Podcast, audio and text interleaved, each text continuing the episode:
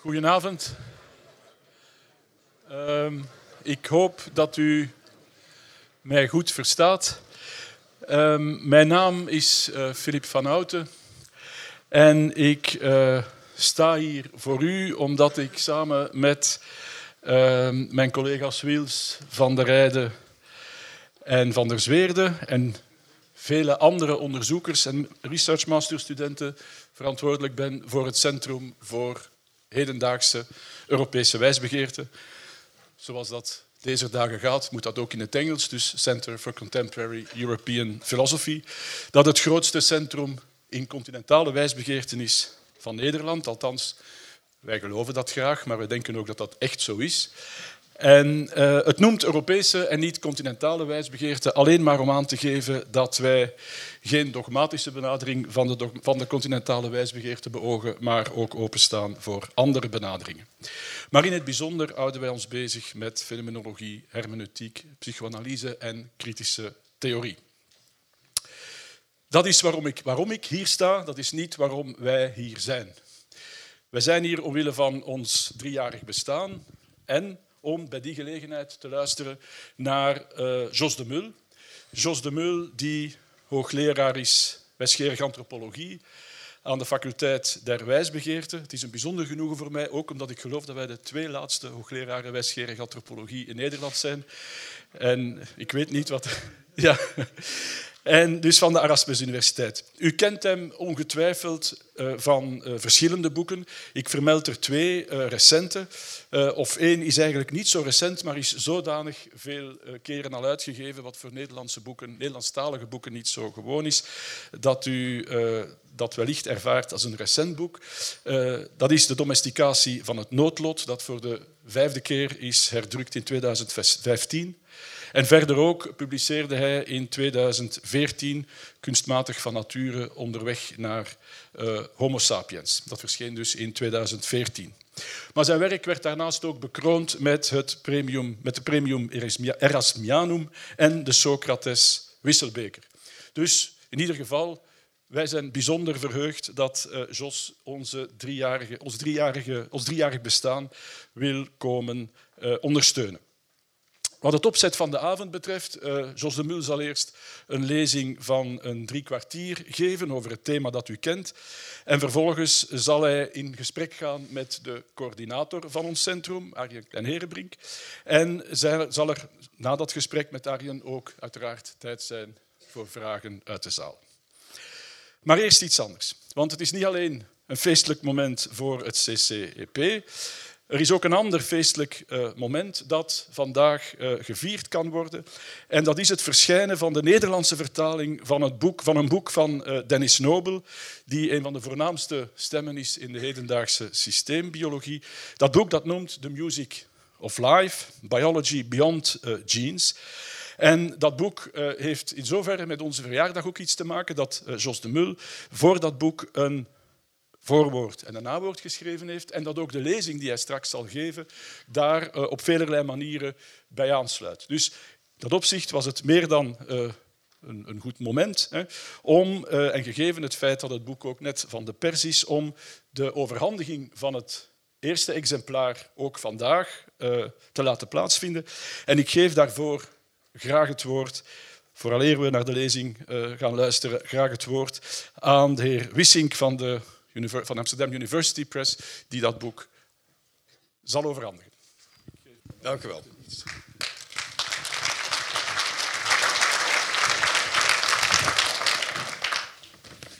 Niemand had het boek nog gezien.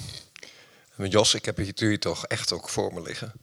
Uh, goedenavond allemaal, mijn naam is uh, Jan-Peter Wissink. Ik ben directeur van Amsterdam University Press. Uh, ik wil in de eerste plaats graag uh, de organisatoren van deze avond uh, bedanken.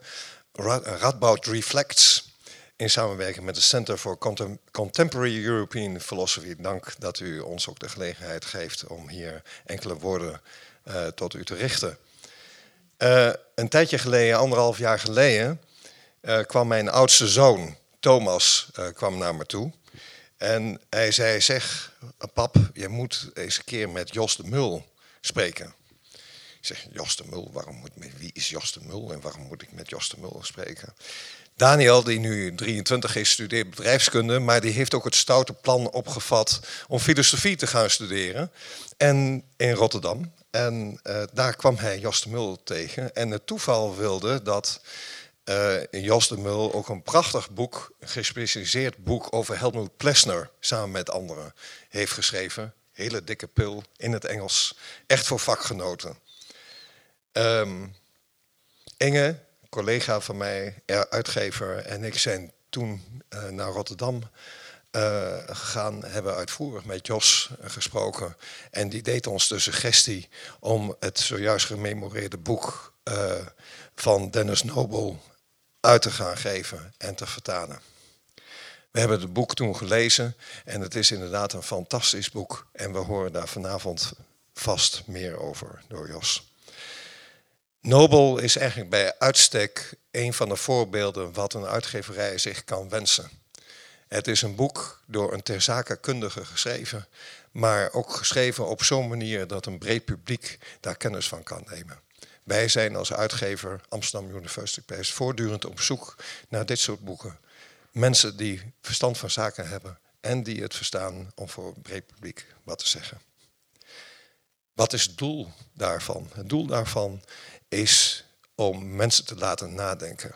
Dus niet alleen Radboud moet nadenken, maar iedereen moet nadenken. Ik hoop dat u dat gegeven zal zijn naar de woorden van uh, Jos de Mil. Het boek zal na afloop verkrijgbaar zijn uh, aan het eind. Ik heb het nog niet gezien, maar het schijnt dat er nu een boekentafel ook wordt ingericht. Voor 1995. Bijna te geven voor zo'n prachtig boek. Koop het boek dus aan het eind. En ik wil graag het woord richten aan uh, het woord geven aan Jos, maar niet dan nadat ik hem het eerste exemplaar heb overhandigd. Alsjeblieft, Jos. Hartelijk dank.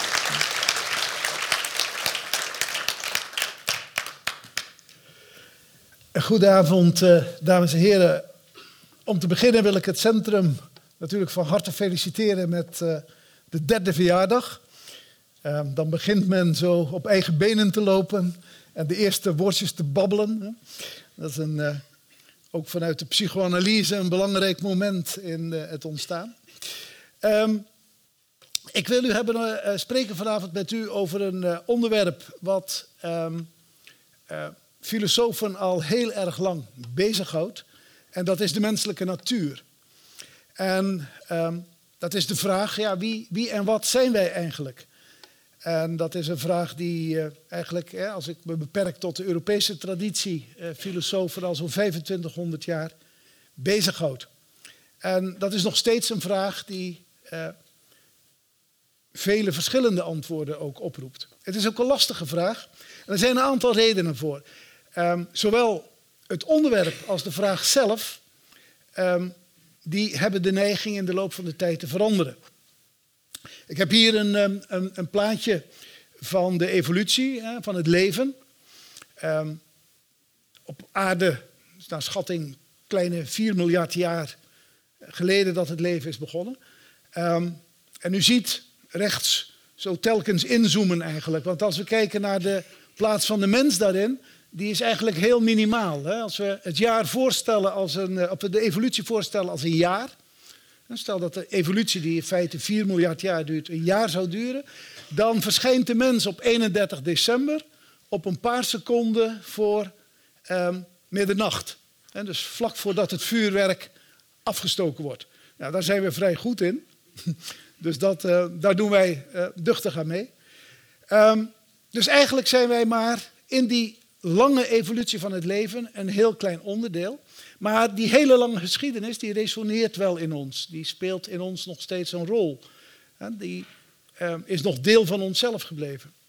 Maar zelfs al is het een heel erg klein deel, voor de mensenleven is het weer een hele lange geschiedenis. Want de eerste mensachtigen, die zijn zo'n 2,5 miljoen jaar geleden op aarde verschenen. En dat is vanuit menselijke geschiedenis bezien weer een enorme lange tijd.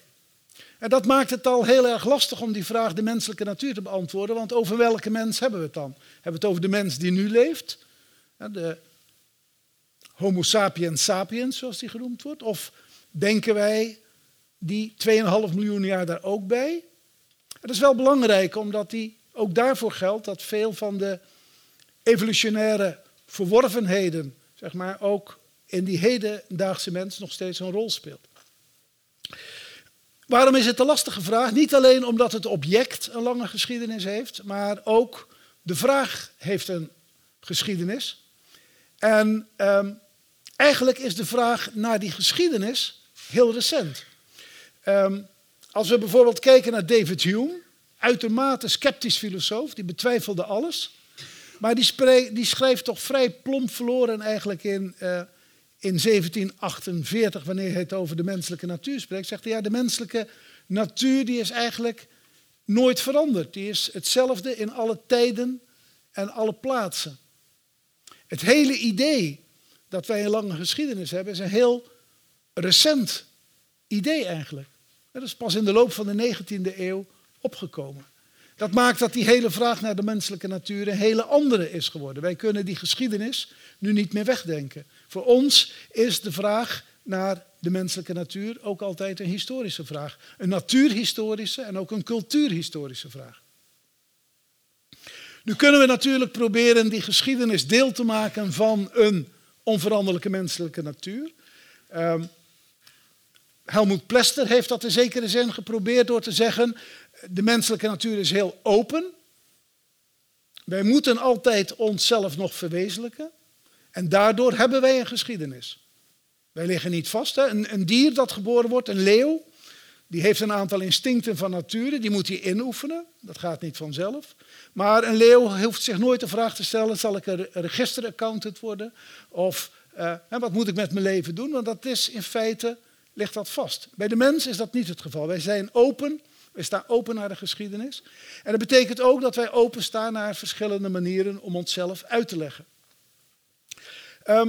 Er is nog een andere reden dat die vraag naar de menselijke natuur heel lastig te beantwoorden is. En dat komt omdat de menselijke natuur um, heel veelzijdig is. Er zijn zoveel aspecten aan ons leven. Waar moet je op focussen? Wat zijn de belangrijke elementen daarvan? Is dat ons natuurlijke deel, dat deel wat wij in de loop van de evolutie hebben meegekregen? Is dat onze geschiedenis? Is dat onze persoonlijke geschiedenis, wat we in ons leven meegemaakt hebben? Zijn dat onze psychologische kenmerken? Zijn dat onze emoties? Is dat onze ratio? Dat zijn vele aspecten van het menselijk leven. En als je vraagt naar de menselijke natuur, moet je die in feite allemaal daarbij betrekken. En dat maakt de mens tot onderwerp ook van vele wetenschappen. Er zijn vele menswetenschappen, empirische menswetenschappen. Denk aan de psychologie, de sociologie, de politicologie, de antropologie. Eh, ook in de natuurwetenschappen wordt de mens bestudeerd. De eh, evolutietheorie, daar hoort de mens ook in thuis. De medische antropologie. dus het is een zeer rijk geschakeerd fenomeen, de mens. En dat door vele verschillende brillen wordt bekeken. Toch zal ik ehm, vandaag ehm, maar op één specifieke beantwoording van die vraag ingaan. Oh, ik heb hier nog, dat vergat ik nog te zeggen, als we kijken door die lange geschiedenis, heeft de mens ook um, vele verschillende definities gekregen. Denk aan de zoon politikon. Nou, Aristoteles spreekt over de mens als een politiek wezen. De animal rationale, mens als rationeel wezen. Animal symbolicum, wezen dat tekens gebruikt. De homo sapiens, de wijze mens. De homo faber, we arbeiden. De homo ludens, vrij recent door Huizinga geïntroduceerd, de spelende mens. En het, is niet alleen, het zijn niet alleen ook de wetenschappen die zich daarmee bezighouden. Uh, ook de religie heeft allerlei antwoorden op de vraag naar die menselijke natuur. En ook de kunst doet dat. En ik vind dit een mooi beeld van uh, Maurits Escher. Mens die zichzelf in een spiegel bekijkt. Ook de kunsten hebben altijd zich bezig gehouden met de vraag: wat is nu precies eigenlijk die mens? En die zelfbespiegeling, en dat is heel kenmerkend. Toch zoals gezegd, ik zal vanavond toch vooral op één specifiek antwoord ingaan, namelijk het antwoord dat het neodarwinisme geeft op uh, de vraag wat is de mens. En ik doe dat niet omdat ik denk dat dat neodarwinisme het bij het rechte eind heeft.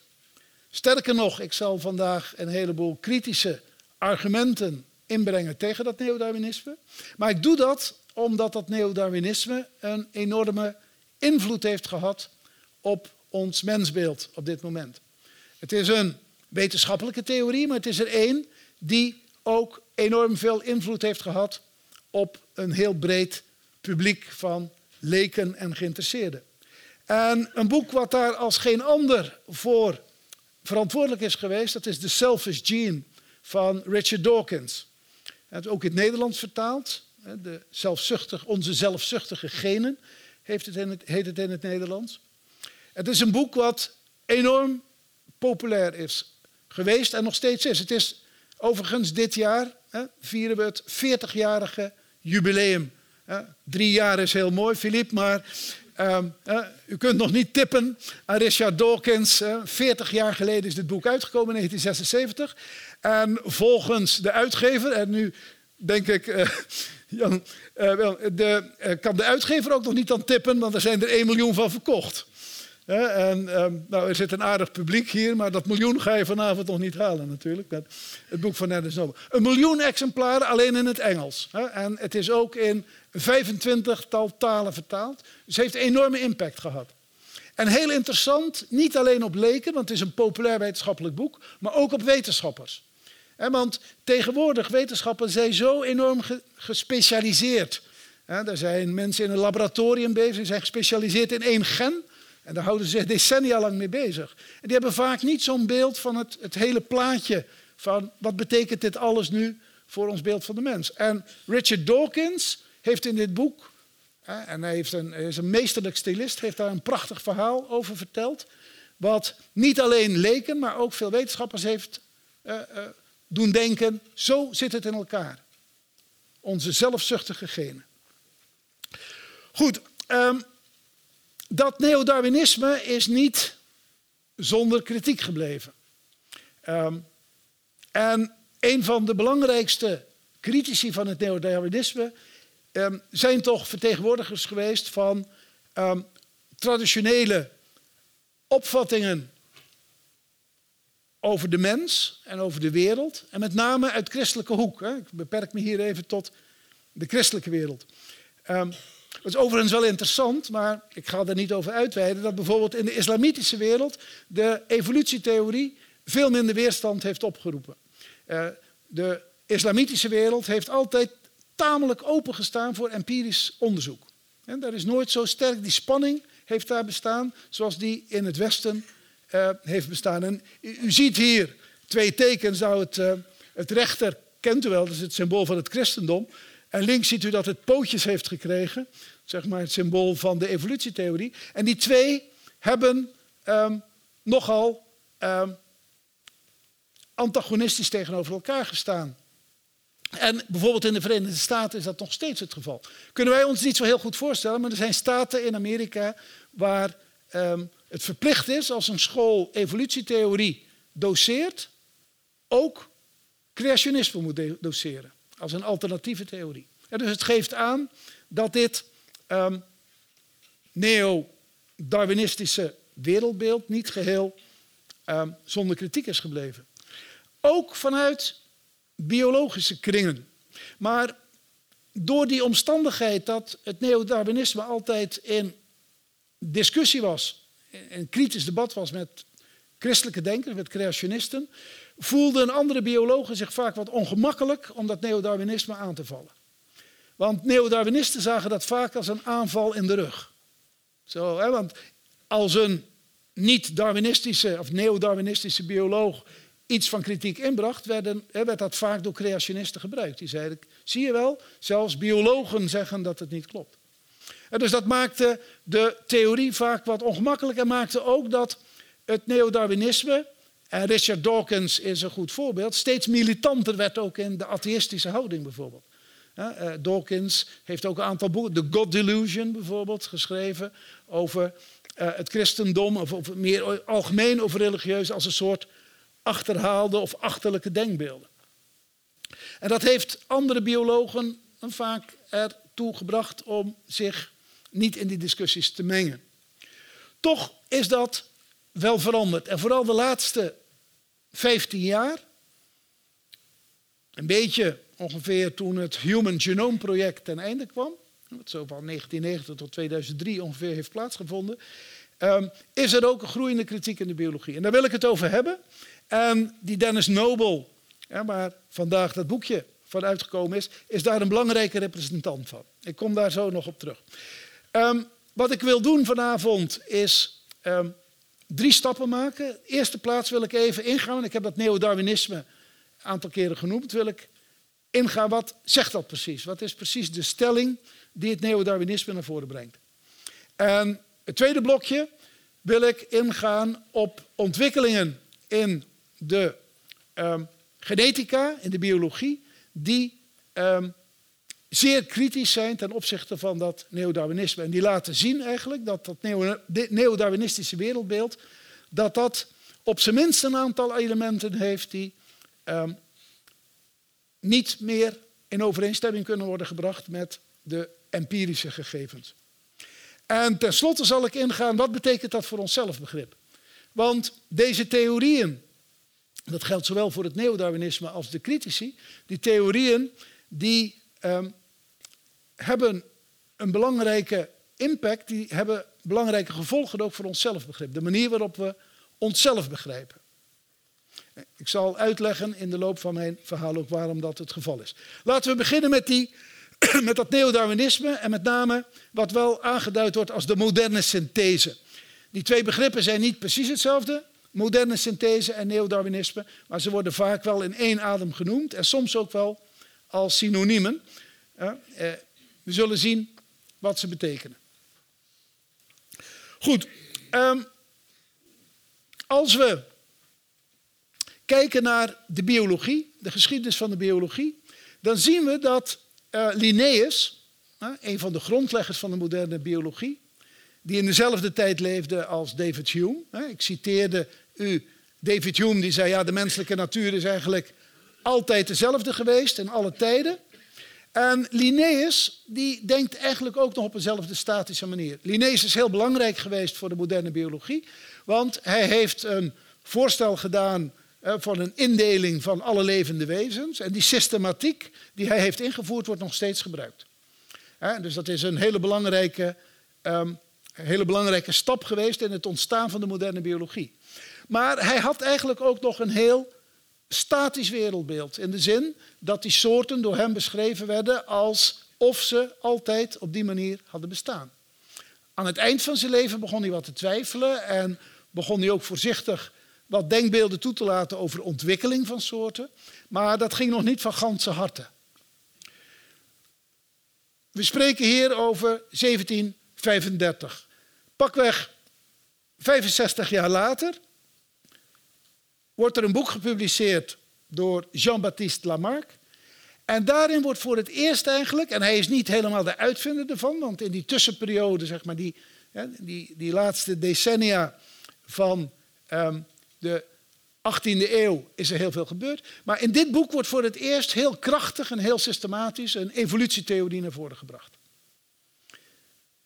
Alle organismen die bestaan, zegt Lamarck, die hebben een lange geschiedenis. Die hebben niet altijd bestaan, maar die zijn voortgekomen uit eerdere organismen. En hoe komt dat?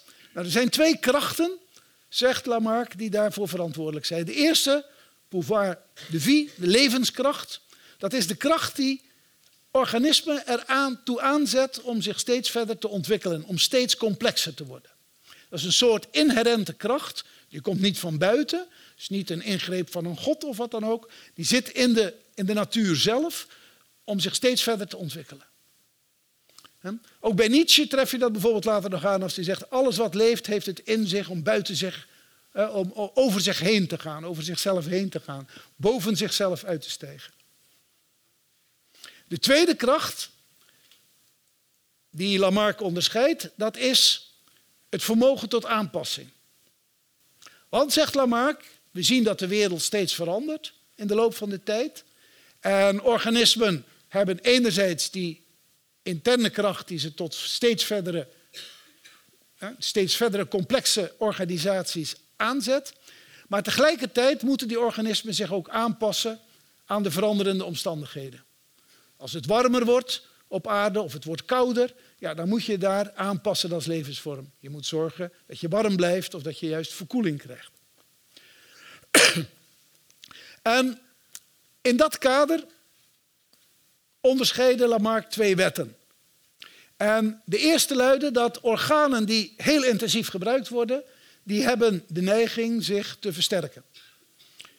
Klauwen, als je een dier zijn klauwen nodig heeft om te graven bijvoorbeeld, omdat het in holen woont, dan zullen in de loop van die tijd die klauwen steeds groter en steeds krachtiger worden.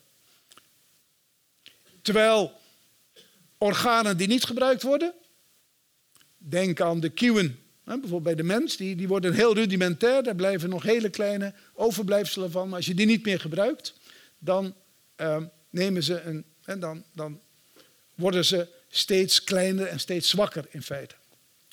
De tweede wet die Lamarck formuleerde in het licht van die aanpassing, dat was wat hij noemde de overerving van de verworven eigenschappen. Hij ging ervan uit dat als een organisme door oefening een bepaalde eigenschap verkreeg, dat die eigenschap ook overgedragen werd op het nageslacht. En een beroemd voorbeeld daarvan um, zal ik u zo laten zien. Voordat ik dat laat zien, um, nog een algemene opmerking. Um, die evolutie zoals Lamarck die zag, die verloopt vrij snel. Want je kunt in één levensperiode, in één leven, hè, kan een organisme iets aanleren en dat onmiddellijk overgeven naar, het volgende, uh, naar de volgende generatie. Het is schoksgewijs. Je leert iets nieuws, een grote verandering. En het is ook doelgericht, want het wordt met een specifiek doel aangeleerd. Nu, een beroemd voorbeeld wat Lamarck geeft en wat ook door voor- en tegenstanders vaak wordt genoemd, is um, de giraf. Waarom heeft de giraf zo'n lange nek? En giraf zei, nou, um, als je een groep giraffen hebt en je hebt weinig bomen, dat is het geval op de savannes waar die wonen, dan is het van belang om bij de hoogste blaadjes te kunnen om te overleven. Dus je moet oefenen en door dat oefenen rekt die nek langzaam uit, zegt Lamarck. En daardoor wordt die eigenschap vervolgens ook, hè, door die wet, overgedragen op het volgende geslacht. Dus die krijgen kleine girafjes met langere nekken. Nu, die theorie van Lamarck die was tamelijk populair in de 18e eeuw. En ook Darwin bijvoorbeeld, in The Origin of Species, die um, noemt deze wet. En ook dit voorbeeld van de giraffen. En hij was het daar geheel mee eens. Maar zegt hij, er is ook nog een andere wet. En dat is de wet van de natuurlijke selectie. Dus voor Darwin was dat niet zozeer een uitsluitend alternatief, het was erbij. Darwin was een tamelijk liberaal denker wat dat betreft. Hij stond open voor meerdere verklaringen. En die natuurlijke selectie, die um, heeft Darwin beroemd gemaakt. De filosoof Daniel Dennett heeft eh, in zijn boek Darwin's Dangerous ID ooit geschreven: Dit is het beste idee wat iemand ooit gehad heeft in de wereldgeschiedenis. Het idee van de natuurlijke selectie. En waarom is het zo'n goed idee? Nou, eigenlijk ook omdat het zo verdraaid simpel is. We hadden het allemaal kunnen bedenken. Helaas hebben we dat niet gedaan, maar Darwin heeft dat wel gedaan. En uh, je zou het kunnen samenvatten, je kunt er heel verhalen over vertellen, maar je kunt het eigenlijk samenvatten in drie simpele regels of wetmatigheden. Ten eerste is het zo, organismen reproduceren zich. Nou, wie heeft dat niet opgemerkt in zijn leven dat dat af en toe gebeurt? Dus dat was, uh, dat was de eerste observatie van Darwin. De tweede observatie was, dat nageslacht laat variatie zien. Niet alle kinderen zijn hetzelfde. De ene is wat langer, de andere is wat dikker, de volgende is wat slimmer, de andere is wat dommer. En er zijn allerlei kleine variaties in alle eigenschappen eigenlijk van het organisme. Waarom dat kwam, Darwin had niet het flauwste idee, maar hij nam het waar. En nu, en dit is eigenlijk het belangrijkste, want dat tweede had u ook wel opgemerkt, denk ik, als u om u heen keek. Maar het derde punt, en dat was het grote idee van Darwin, hij zegt: kijk, we hebben altijd te maken op aarde met de schaarsheid van bronnen. En dat betekent dat er in de strijd om het bestaan enkel die organismen die die variaties kennen, die maken dat ze beter aangepast zijn aan hun omgeving, dat die zich reproduceren. De anderen gaan ten onder. Dat is de natuurlijke selectie. En dat zijn minimale verschillen. Bij, bij Darwin gaat het er niet om dat je in een leven, gedurende één leven, een hele nieuwe eigenschap kan ontwikkelen. Nee, het gaat om hele kleine, graduele verschillen. Dus de evolutie volgens Marx verloopt heel langzaam, gradueel, kleine veranderingen en ook toevallig. Want Darwin wist niet hoe het kwam, maar hij zegt er zijn geen echte redenen. Kijk, bij, bij Lamarck was het door training dat die nek langer werd. Bij, bij Darwin is het toevallig. En waarom dat precies plaatsvond was, hij wist dat niet. Goed, die beide theorieën, natuurlijke selectie en de Lamarckiaanse overerving door oefenen, die waren beide populair. Maar aan het eind van de 19e eeuw kwam een eind aan de populariteit van Lamarck. En dat kwam door Weismann. En Weismann die deed hem nogal, hm, laat ik zeggen, um, wat sadistisch experiment met muizen. Hij nam een grote groep muizen en daar kapte hij de staart ervan af. En hij zei, nu eens kijken, dat is aangeleerd. Nu eens kijken of de volgende generatie ook korte staarten heeft. Nou, dat was niet het geval. Nou, nog een keer proberen. En zo heeft hij een aantal generaties muizen heeft hij de staarten eraf geslagen. En telkens bleken het nageslacht toch die lange staarten te hebben. Dus Weismann, op basis van dit experiment, verklaarde de theorie van Lamarck, die klopt niet. En eigenlijk is, dat, is die theorie sinds dat moment tot eigenlijk vrij recent eigenlijk een taboe geweest in de biologie. Als je van Lamarckisme werd beschuldigd, nou dat was ongeveer hetzelfde als een lichtelijke verstandelijke handicap.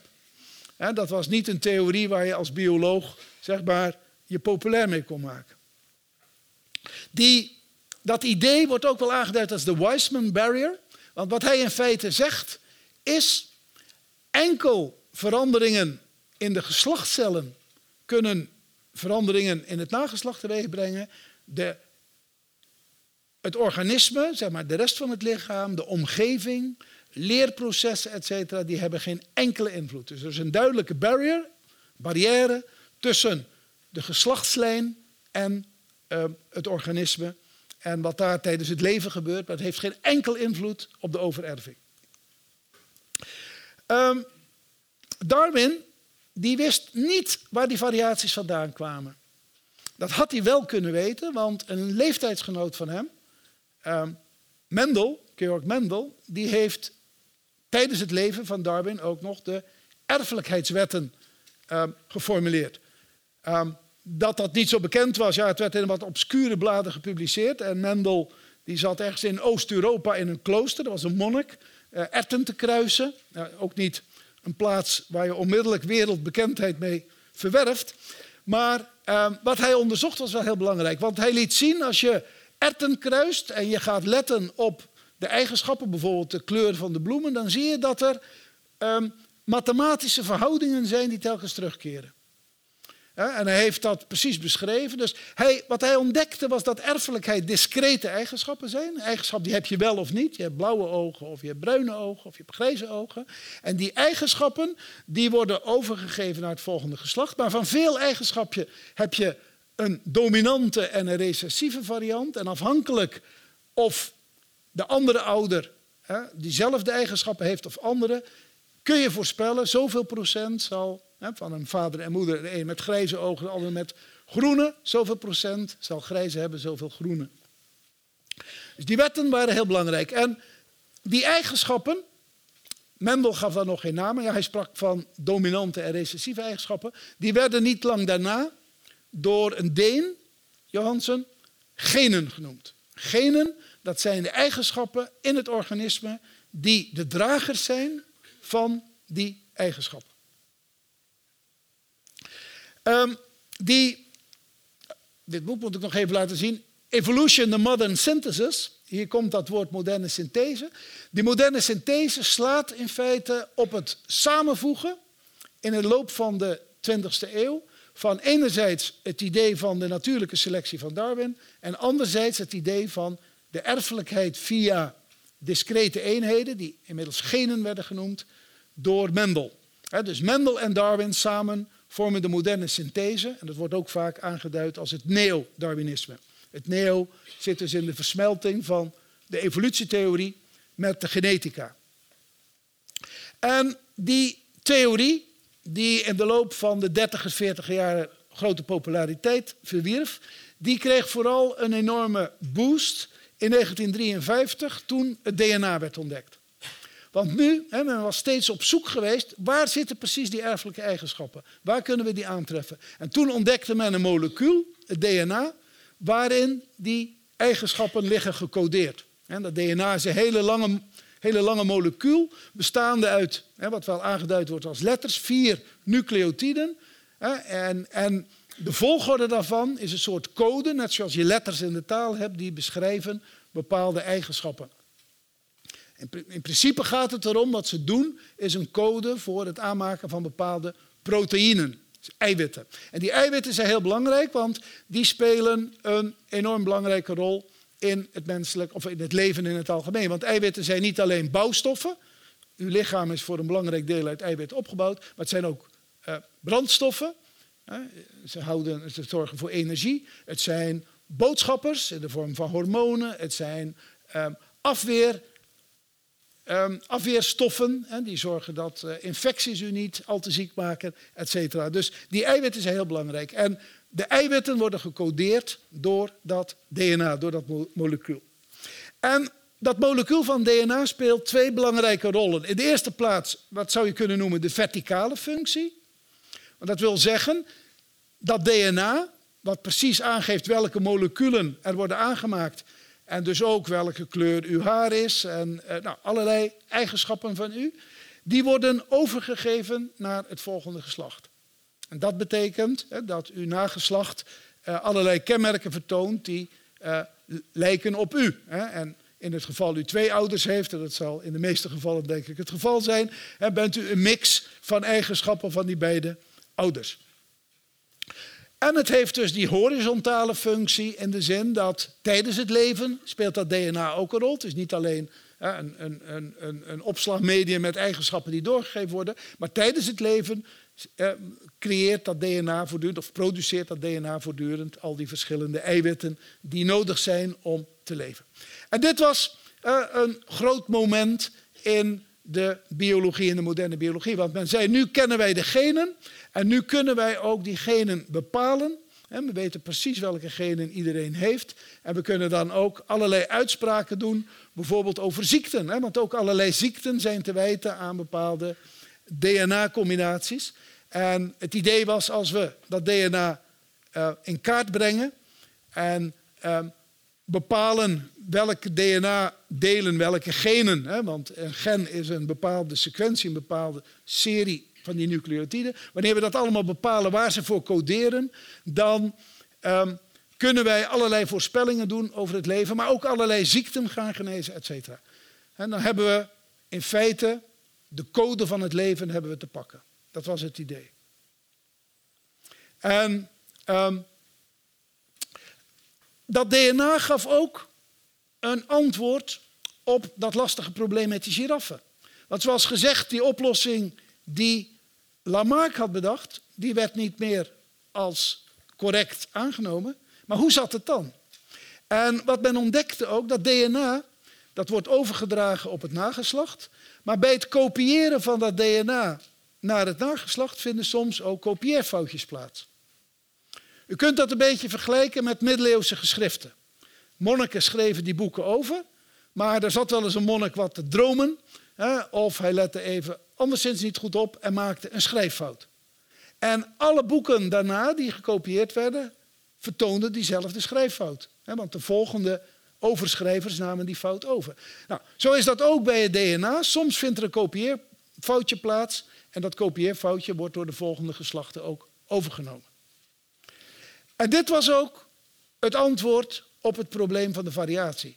Want er werd gezegd, in feite die variaties zijn het gevolg nou, enerzijds van de combinatie van de eigenschappen van de ouders. Maar belangrijke, echt nieuwigheden komen erin door kopieerfoutjes.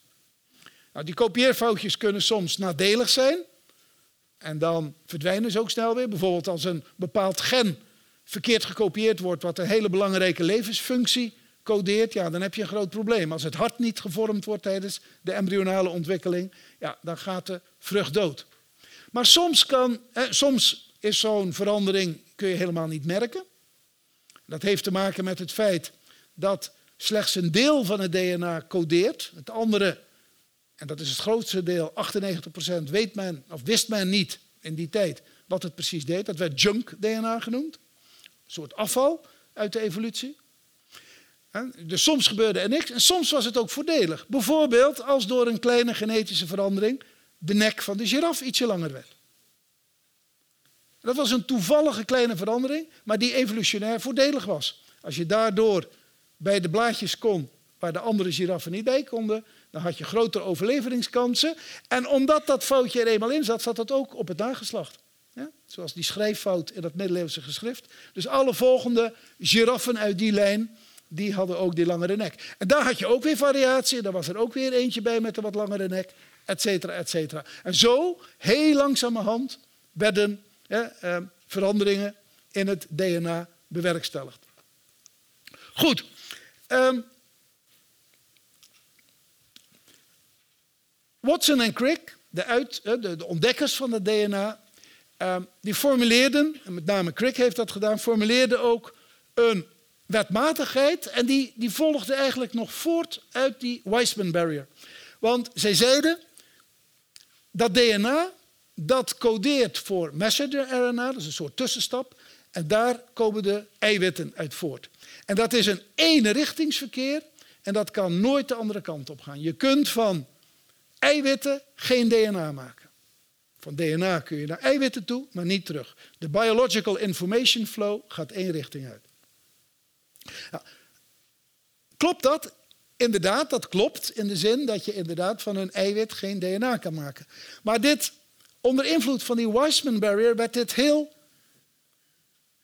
krachtig uitgelegd in zekere zin. Het, het, verder dan in feite de oorspronkelijke stelling ging. Want er werd gezegd, op geen enkele manier heeft de omgeving invloed op dat DNA. Veranderingen in het DNA vinden alleen op het niveau van het DNA zelf plaats door mutaties of recombinatie. En dat was een, um, dat wordt wel het centrale dogma van het neodarwinisme genoemd. En ja, een raar woord eigenlijk, dogma voor de wetenschap, want dogma's horen meer bij het geloof. En Crick heeft ooit later in een interview gezegd: van, ja, ik heb dat dogma genoemd, maar ik wist niet wat het woord betekende. het zou kunnen, uh, maar uh, een beetje, het klinkt toch een beetje zwak. Maar in ieder geval, het is wel als een soort dogma opgevat.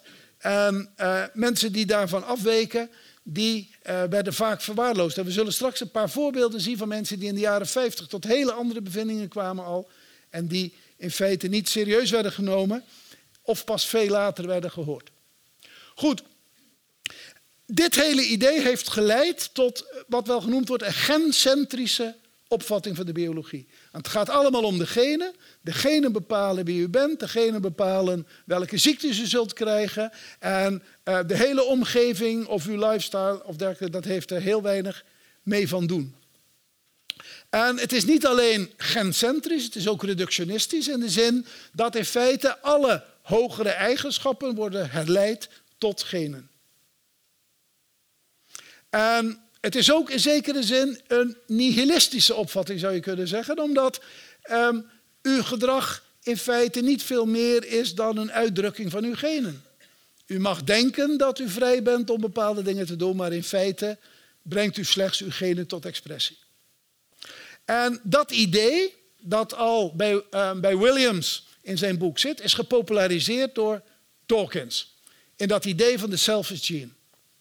En Dawkins, het is een, een, geweldige schrijver en het leest echt met rode oortjes, dat boek. En die zegt, ja, u denkt wel dat u allerlei dingen doet, maar eigenlijk bent u niets meer dan een voertuig voor uw zelfzuchtige genen. Want de genen die willen voortbestaan en die gebruiken u tijdelijk als omhulsel. Want zonder u kunnen ze niet bestaan. Maar u bent een soort collateral damage die, eh, als ze zich reproduceren, weer terzijde wordt geschoven. En bijvoorbeeld ook als u nu, stel u vindt uzelf heel altruïstisch. Ja, uw broer dreigt onder een auto te komen en u sprint de straat op om uw broer te redden. En zegt u nou, dat is een goede daad. Nee, nee, nee, helemaal niet, zegt Dawkins. Want uw broer heeft dezelfde genen. Uw genen willen de genen van uw broer redden. Ze willen eigenlijk zichzelf redden. Het zijn zelfzuchtige genen. Dat is het idee van Dawkins. Dus alle morele kwaliteiten, et cetera, worden herleid naar het gedrag van zelfzuchtige genen. En ja, je moet bij presentaties nooit lange teksten op je, op je PowerPoint gebruiken. Dat is de eerste les die ik hoor. Maar dit is zo'n mooi citaat, ik kon dat niet nalaten. Dit is een boek, dat is vorig jaar verschenen. Postgenomics heet dat. En dat gaat over een aantal ontwikkelingen waar ik zo over ga vertellen... die uh, een ernstige kritiek op dat neodarwinisme inhielden. Maar ze zeggen, ja, die, die biologen, toen ze die genen hadden ontdekt... werden ze eigenlijk allemaal verliefd erop. Want het is toch prachtig materiaal. Je kunt het meten. Nou, wat wil een wetenschapper meer dan iets dat je kunt meten? Je kunt voorspellingen doen, je kunt ziekten bedrijven, en je kunt er heel veel subsidies voor krijgen. Nou, geweldig hè? Als een klein beetje genen mooi zijn, dan zijn heel veel genen heel mooi, zeggen ze hier. Vandaar het Human Genome Project. Laten we alle genen van de mensen eens uitvogelen. En dat was een heel gedoe, want ik had het over die nucleotiden in het DNA. Eén zo'n DNA bij u, in, in één cel, bestaat uit 3 miljard nucleotiden. Nou, ga die maar eens even in kaart brengen. Dat is een, een fix karwei. Um, hoeveel genen zouden we eigenlijk hebben? Nou, daar had men een idee over, want we kennen ongeveer 100.000 eiwitten in ons lichaam. 100.000 verschillende eiwitten. Dus het idee was, dan hebben wij ongeveer ook 100.000 genen. Want ieder gen codeert precies voor één eiwit. Nou, dat viel eigenlijk tegen, hè, want we, we begonnen met dat Human Genome Project in 1990. In 2003 ongeveer was het in kaart. Toen bleken wij geen 100.000 genen te hebben, maar ongeveer 30.000. En dat is steeds nog naar beneden bijgesteld. Het laatste getal is 20.500. Ja, dat viel wel een beetje tegen. Er zijn rijstsoorten die 60.000 genen hebben. Dus ja, eh, op, op het vlak van narcistische zelfkrenking, maar dan niet van het individu, maar van de menselijke soort, was dit even toch een dompertje. Ja. Maar het was ook nog lastig natuurlijk, want als het zo is, als het zo is, en nu komen we aan voorbij degene, als dat zo is, hoe kan het dan dat we toch 100.000 eiwitten hebben als we maar iets meer dan 20.000 genen hebben?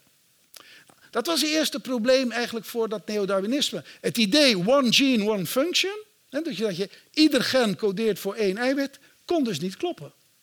Nou, wat men ontdekte was dat genen meestal niet alleen werken, maar in netwerken. Dat je meerdere genen nodig hebt om een bepaald eiwit te uh, produceren. En dat maakte de zaak ontzettend gecompliceerd. Want alleen als het zo zou zijn dat je drie, eh, drie genen nodig hebt voor ieder eiwit. Noem maar eens een voorbeeld. Vaak zijn het er honderden zelfs, maar laten we maar eens drie nemen. En je hebt 20.000 genen, 3 tot de macht 20. Hm? Dan heb je heel wat verschillende combinaties. Dus lange tijd had men gezegd, als we het menselijk genoom in kaart hebben gebracht, dan zijn we er. Dan is de biologie zowat klaar. Moeten we alleen nog even het in werking stellen en zoeken welke ziekten erbij horen, et cetera. Maar nu zei men, nee, nou ja, het is niet zozeer het einde, maar het is het begin van de genetica. Want we moeten nu al die combinaties gaan uitzoeken. En dat is vreselijk moeilijk. Dat, wiskundigen noemen dat combinatorische explosies. Het aantal mogelijke combinaties is vreselijk ingewikkeld. En dan maakt het ook lastig, want stel dat we nu vinden dat een bepaald gen belangrijk is voor het ontstaan van een bepaalde eigenschap, dan kun je zeggen, nou, stel dat dat de ziekte is, laten we dat gen weghalen. Maar als dat gen ook nog in vele andere netwerken aanwezig is, ja, wat haal je dan nog meer weg? dus het wordt heel tricky om dat te gaan doen. Zolang je one gene, one function is het heel simpel, maar nu wordt het heel lastig. Dus ja, geen 100.000, maar 20.000, maar ze werken in zeer complexe netwerken. En um, zelfs met de meest geavanceerde computertechnieken uh, is dat vreselijk moeilijk te ontcijferen. mensen die daarmee bezig zijn, biologen, zeggen dat is echt een werk van hele lange adem. En dan komt er nog iets bij. Dat junk DNA, die 98% van het DNA dat geen functie heeft en wat afval werd genoemd, dat blijkt toch allerlei functies te hebben. En welke namelijk, en nu wordt het helemaal interessant, dat gen wat u heeft, dat wil niet zeggen dat die eigenschap ook daadwerkelijk gaat ontstaan. Dat gen moet aangezet worden. Gen kan eh, passief zijn en het kan actief worden. En wat is daarvan de oorzaak? Wanneer wordt het actief? Nou, nu blijkt dat dat DNA, dat junk DNA, allerlei regulerende functies heeft. Dat DNA zet het DNA, de genen, aan of uit. Dus ook dat deel van het DNA wordt nu heel belangrijk in het onderzoek. En je moet kijken welke functies speelt dat precies. En dat was eigenlijk nog steeds een ontwikkeling die nog past binnen het, binnen het neodarwinisme. Er werd gezegd, ja, het is veel lastiger, veel ingewikkelder dan we dachten, maar het is nog steeds, alles vindt plaats in het DNA en dat vindt toevallig plaats, die veranderingen, door mutaties, eh, toevallige kopieerfoutjes. En dat is, um, dat is nog steeds het verhaal wat we op kunnen houden. Maar het onderzoek van de laatste 15 jaar laat zien dat die vooronderstelling niet klopt. Mutaties zijn vaak helemaal niet toevallig. Als u een infectie heeft, dan vinden er in de plaats van de infectie ineens heel veel meer mutaties plaats dan uh, gewoonlijk het geval is. En ook de snelheid waarmee ze plaatsvinden neemt enorm toe. En waarom is dat? Nou, het lastige bij virussen is, die veranderen steeds, die muteren ook. Vandaar dat u ieder jaar vergast wordt op een nieuw soort griep. want dat griepvirus dat verandert zich, dat muteert. Maar als de afweerstoffen ook gaan muteren dan, en heel snel dat doen en in een grote aantallen, heb je een goede kans dat er een mutatie bij zit die ook als antistof werkt. dus het blijkt dat het helemaal niet zo toevallig is.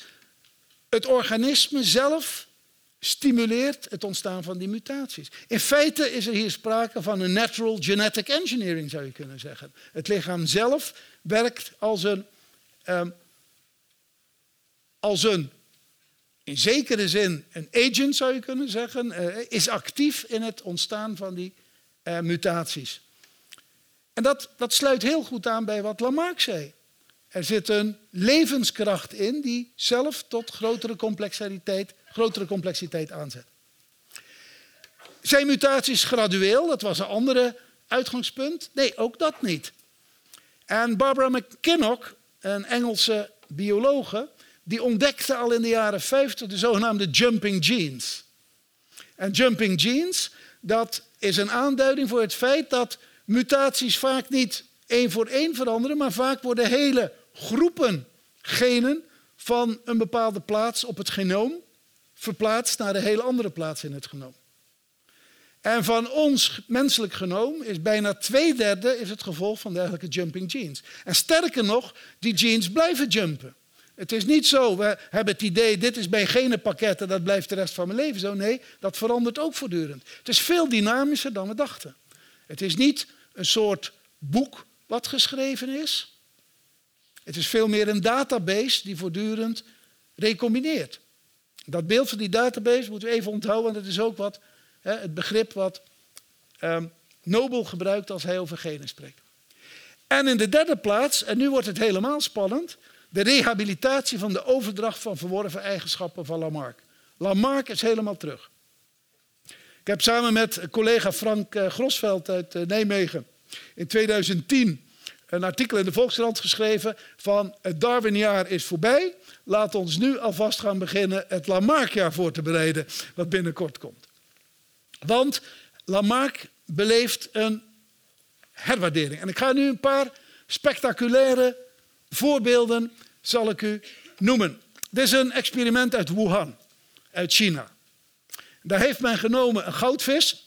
Daar houden Chinezen van. Wij doen met muizen meestal, maar uh, Chinezen bij voorkeur met goudvissen. En ze nemen een goudvis, daar neem je een cel van en daar haal je het DNA uit.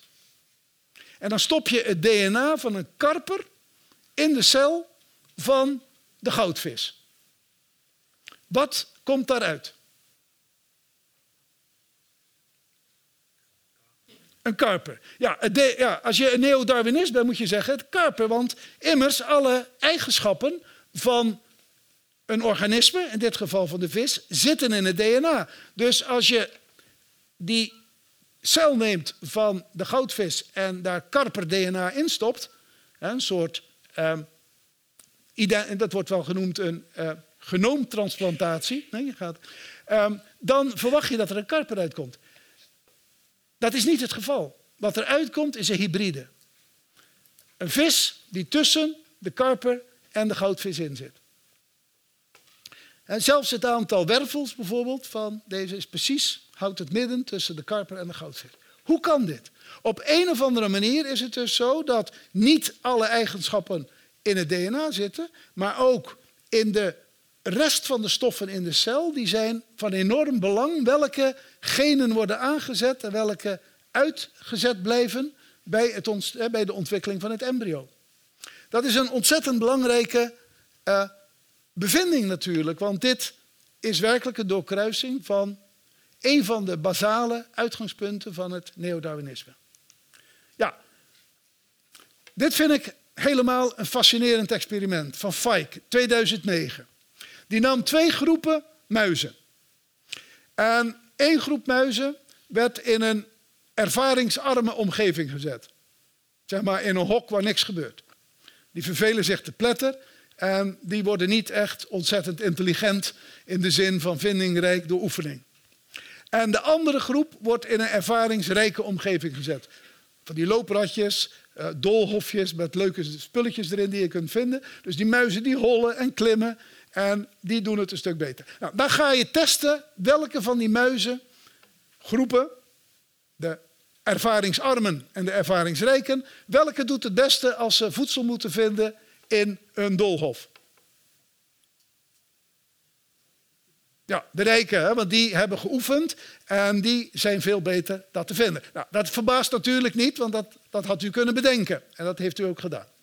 Maar wat blijkt nu, en dat had u niet kunnen bedenken, dat tot drie generaties nageslacht van deze muizen, ook al wanneer ze in exact dezelfde omstandigheden opgroeien, de muizen van de ervaringsrijke ouders, moeders, het ook veel beter doen.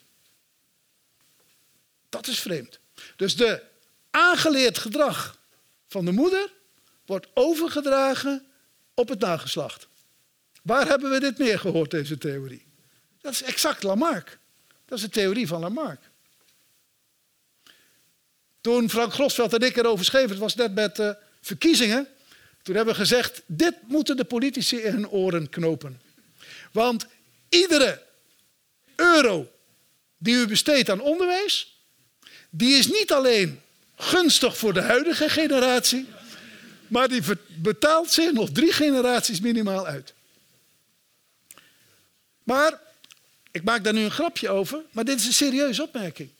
Het hele onderscheid tussen nature en nurture wordt hier gedeconstrueerd. Je kunt, ja, hoe moet je het uitdrukken? Je kunt zeggen, nature zelf is een gevolg van nurture, of nurture wordt een onderdeel van nature. Het is een soort Derridiaanse deconstructie van dat hele onderscheid wat hier plaatsvindt. En als je bijvoorbeeld kijkt, er zijn ook al mensen die die stap gezet hebben en gezegd: hoe komt het nu dat kinderen bijvoorbeeld in Amerikaanse suburbs in Los Angeles generaties achter elkaar zo slecht scoren op school? Komt dat omdat dat dommere mensen zijn die daar voorbestemd zijn om dan maar in dit soort eh, arme, achtergestelde wijken te komen? Of is dit een cumulatief effect van vele generaties ervaringsarm leven? Dus dat is een heel belangrijk politiek punt is daar ook mee. Um, ja, je zou kunnen zeggen dat nurture, ik ben nog op zoek naar het juiste woord, maar iets wat zeg maar tussen nature en nurture in zit. Goed, we gaan nu naar de implicaties voor, het, um, voor de menselijk zelfbegrip. Een aantal afsluitende opmerkingen. En ik verwijs daarmee naar het boekje The Music of Life van Dennis Noble, um, Muziek van het Leven. En die keert zich in dit boek pontificaal tegen het boek van Dawkins, The Selfish Gene. En hij zegt, je kunt veel beter in plaats van het leven als een product van Selfish Gene zien, het leven als een muziekstuk. Want, zegt hij, als je het leven ziet als een product van genen, dat is ongeveer hetzelfde als een vioolconcert van Schubert zien als het product van de partituur. Alsof de partituur de oorzaak is van dat muziekstuk. Dat is natuurlijk een beetje onzinnig. Om dat muziekstuk te hebben, ja natuurlijk, zonder partituur bestaat dat niet. Maar voor die partituur heb je ook een componist nodig. Om het te spelen heb je de muzici nodig. De muziek is niet alleen de partituur, de muziek is die totaliteit. En zo ook, het leven kun je niet zien louter vanuit het perspectief van degene. Het gaat over het gehele orkest. Het is een interessante idee die je ook in de hermeneutiek wel tegenkomt. En die hermeneutiek, die zoals u weet in het Centrum voor Contemporaine Europese Wijsbegeerte zo'n belangrijke rol speelt. Iemand als Dilthey heeft dat beeld ook al gebruikt. Het leven is als een muziekstuk. En dat is interessant omdat ehm, in vergelijking bijvoorbeeld met de idee van de genen zijn de code van het leven.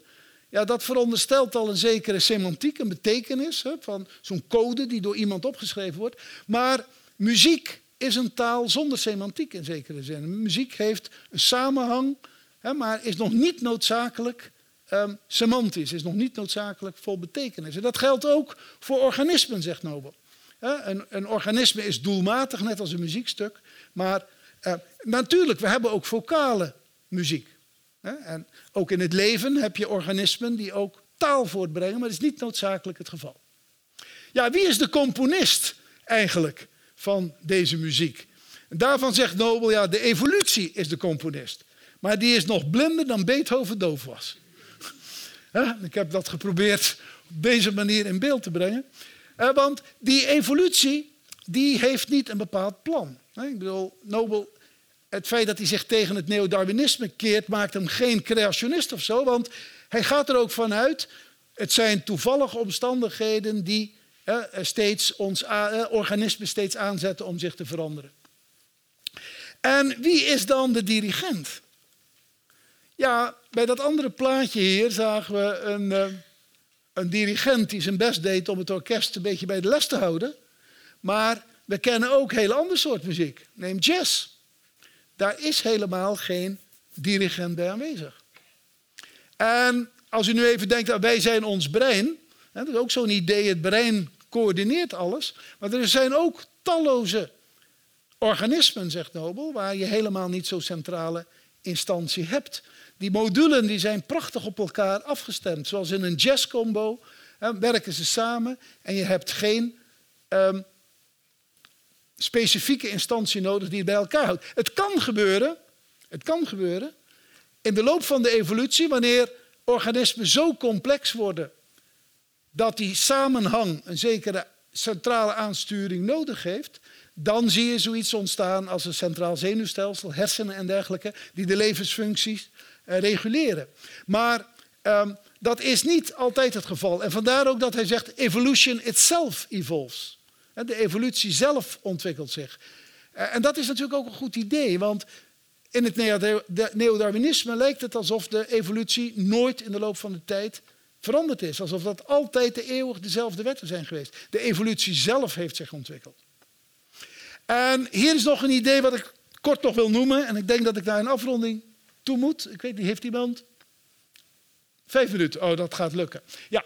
Um, dit is een tekening uit het boek uh, ook, waarin um, heel duidelijk uh, aangegeven wordt in dit schema ook een heel belangrijk verschil tussen het neodarwinisme en de integratieve biologie die Nobel voorstaat. Kijk, want bij Dawkins is het zo, je hebt de genen die bepalen de proteïnen, die de paden, de subcellulaire mechanismen, cellen, weefsels, organen, organismen. Dat is een monocausale ontwikkeling. Van onderaf wordt alles bepaald. dus op het niveau van de genen wordt alles vastgelegd in feite. Nobel heeft een idee van wat hij noemt downward causation. Hij zegt het is niet zo. Het is natuurlijk zo dat van onderaf genen belangrijk zijn voor het vormen van proteïnen, et cetera. Maar de hogere niveaus, die gaan op zich weer hun invloed uitoefenen op de lagere niveaus. En dat is heel belangrijk voor de opvatting. Want die selfish genes, daar klopt niks van, zegt Nobel. Het is niet zo dat wij voertuigen zijn van de genen. Het is veel andersom, veel meer andersom. Stel, een lever heeft een bepaald eiwit nodig. En die gaat naar zo'n gen toe en die zegt: Hé, hey, jij daar, ga eens onmiddellijk dit proteïne maken. Hij zegt: De genen zijn de dwangarbeiders van de organen. Een beetje geforceerd beeld misschien ook hier, maar hij stelt het natuurlijk tegenover Dawkins. We zijn niet de voertuigen van de genen, de genen zijn de dwangarbeiders van de organen. En dat is een fascinerend verschijnsel. En ik kan u een demonstratie geven hier van downward causation. Ik kan namelijk met mijn geest de materie verplaatsen. Let op. U kunt het ook. Het is tamelijk uitzonderlijk, maar wij kennen het allemaal. dit is ook een vorm van downward causation. Wij kunnen zeg maar, de hogere niveaus van organisatie kunnen de lagere niveaus aansturen. En dat is een merkwaardig idee wat um, in de wetenschapsfilosofie en ook uh, onder wetenschappers zelf veel bediscussieerd wordt als iets wat lastig is. Hè? Iemand heeft ooit gezegd, ik vind het een mooie uitdrukking, downward causation is conceptueel volstrekt onmogelijk, maar het is een feit. Want we, we zien het overal in de natuur gebeuren. Hoe het precies werkt, dat weten we niet. Er zijn mooie begrippen voor, zoals emergentie. Um, en emergentie betekent in feite dat bepaalde verschijnselen weliswaar niet mogelijk zijn zonder de onderliggende mechanismen. Maar als die mechanismen samenkomen, ontstaan er zaken die um, eigenschappen hebben die je niet kunt voorspellen vanuit die lagere niveaus. En dit vind ik een van de mooiste voorbeelden daarvan. Um, de vorming van uh.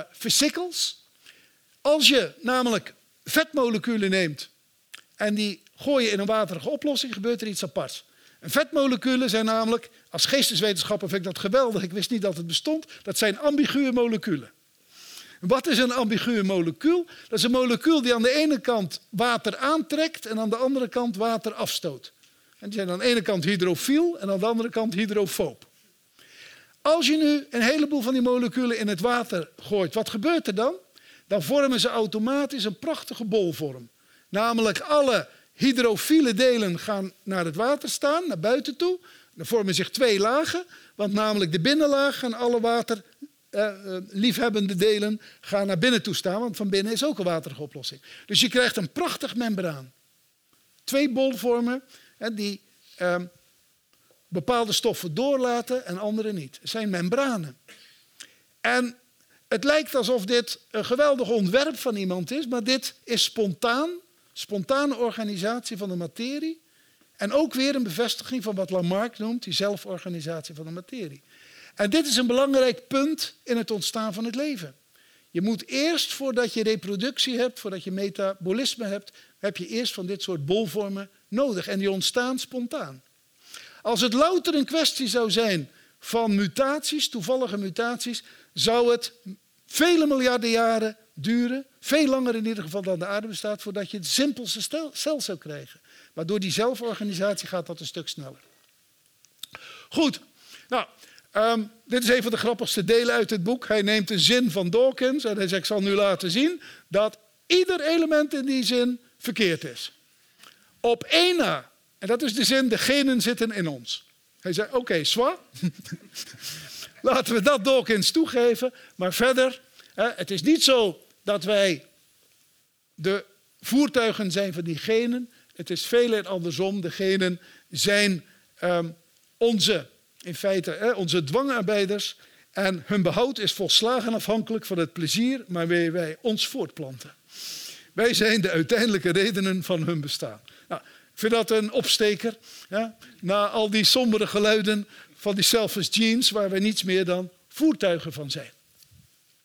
Betekent dat dat we nu kunnen roepen: hoera, wij zijn helemaal vrij en niet gedetermineerd? Nou, dat niet helemaal. Want die Causatie gaat twee kanten op. Het is niet alleen zo dat wij van bovenaf het hele proces bepalen. Heel veel processen in mijn lichaam, daar heb ik geen toegang toe, die kan ik niet beheersen. En dat geldt ook voor heel veel andere krachten die op mij werken, mijn omgeving, etc. Maar ik ben niet geheel weerloos. En ik vind daarom het beeld zoals we dat bijvoorbeeld in de Griekse tragedies aantreffen, vind ik een veel realistischer beeld. De Griekse tragedies zeggen in feite shit happens. Dat hoort bij het leven. Soms gebeuren er dingen. Je kunt die nooit volledig beheersen. Maar je kunt op zijn minst, je bent ook geen willoos slachtoffer. De tragedie is niet een ander woord voor een pessimistische opvatting. We kunnen ons verhouden tot, onze, tot de zaken die ons aandrijven. We kunnen ze op zijn minst affirmeren of afwijzen. Dat is de minste vorm van vrijheid die we hebben. Arthur Miller, die The Death of a Salesman heeft geschreven, die heeft ooit een artikel geschreven. Toen voor het eerst las, moest ik even achter mijn oren krabben. Dat gaat over de tragedie. En het begint met de volgende zin. De tragedie is het meest optimistische genre in de literatuur. Hoezo dat? Hij zegt nou, zelfs wanneer ze verpletterd worden door het noodlot, gaan ze nog gewoon door. Dat is de menselijke conditie. En dat is optimisme. Als je dan nog doorgaat. Goed, laat ik besluiten met een recente gebeurtenis. En uh, u herkent denk ik allemaal deze foto van Joost Zwageman. En um, ik was bezig met het schrijven van um, het voorwoord en de uh, uitleiding van dit boek um, van Nobel. Toen 8 september Joost Zwageman uh, zelfmoord pleegde. En een week later stond in de HP De Tijd een interview met Zwageman. En dat had hij zelf gearrangeerd voor zijn dood. Hij had zelf de journalist opgebeld. Hij zegt, ik, wil, ik heb iets te zeggen. En de journalist kwam graag natuurlijk, want Zwageman was een bekende Nederlander, bekende auteur. En um, die kans liet de journalist zich niet ontzeggen. En het lijkt een soort terugblik op zijn leven te zijn. Ja, achteraf zie je dat, op dat moment. Ja, maar het werd ook pas gepubliceerd na zijn dood. Maar voor de journalist zal dat misschien nog niet eens zo duidelijk zijn geweest tijdens het gesprek. En een van de elementen viel me vreselijk op. Hij zei, kijk, eh, de gedachte aan zelfmoord, die heb ik vaak gekoesterd. En die gedachte was altijd een soort troost voor mij. En hij citeerde Nietzsche, die zegt, eh, de zelfmoord is een gedachte waarmee je menig sombere nacht doorkomt. Namelijk het idee, nou ja, als alles tegengaat in mijn leven, kan ik er altijd nog een eind aan maken. Een soort troostgedachte. Maar, zegt Joost Zwagerman vervolgens, na het moment dat mijn vader zelfmoord poging had ondernomen, heb ik nooit meer troost aan die gedachte kunnen ontlenen. Want vanaf dat moment heeft de gedachte post gevat dat ik waarschijnlijk genetisch voorbestemd ben om zelfmoord te plegen. Want, zegt hij, ik heb gelezen dat zelfmoord een genetische dispositie is.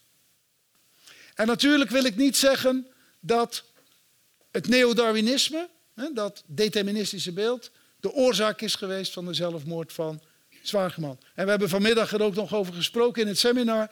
En gezegd, nou ja, hij zal ongetwijfeld, en hij vertelt in het interview ook over een andere ziekte die bij hem ontdekt is en die veel lijden in het vooruitzicht stelde. Dat zal een rol gespeeld hebben. Maar dat deze gedachte op zijn minst een katalysator is geweest of ook meegespeeld heeft, het idee dat je voorbestemd bent op op een bepaalde manier te moeten handelen, dat je daar geen enkele invloed op hebt, dat kan natuurlijk een zeer deprimerende gedachte zijn. En daarom ben ik blij dat, um, en hier ziet u um, een stuk uit dat, uit dat interview. Een dergelijke gedachte um, is ook al om die reden, denk ik, uit een, uit een normatief perspectief voor mens, wat het, wat het betekent voor ons mensbeeld, is uitermate belangrijk. En is het ook uitermate belangrijk om je daartegen te weer te stellen. En daarom vind ik het zo belangrijk dat een boek als Van Nobel geschreven is, de muziek van het leven. Wat um, in ieder geval aangeeft, het betekent niet dat je volledige meester bent over je leven, maar wij zijn zeker ook niet de willoze speelballen van degene. En daar wilde ik het voor dit moment bij laten. Dank u wel.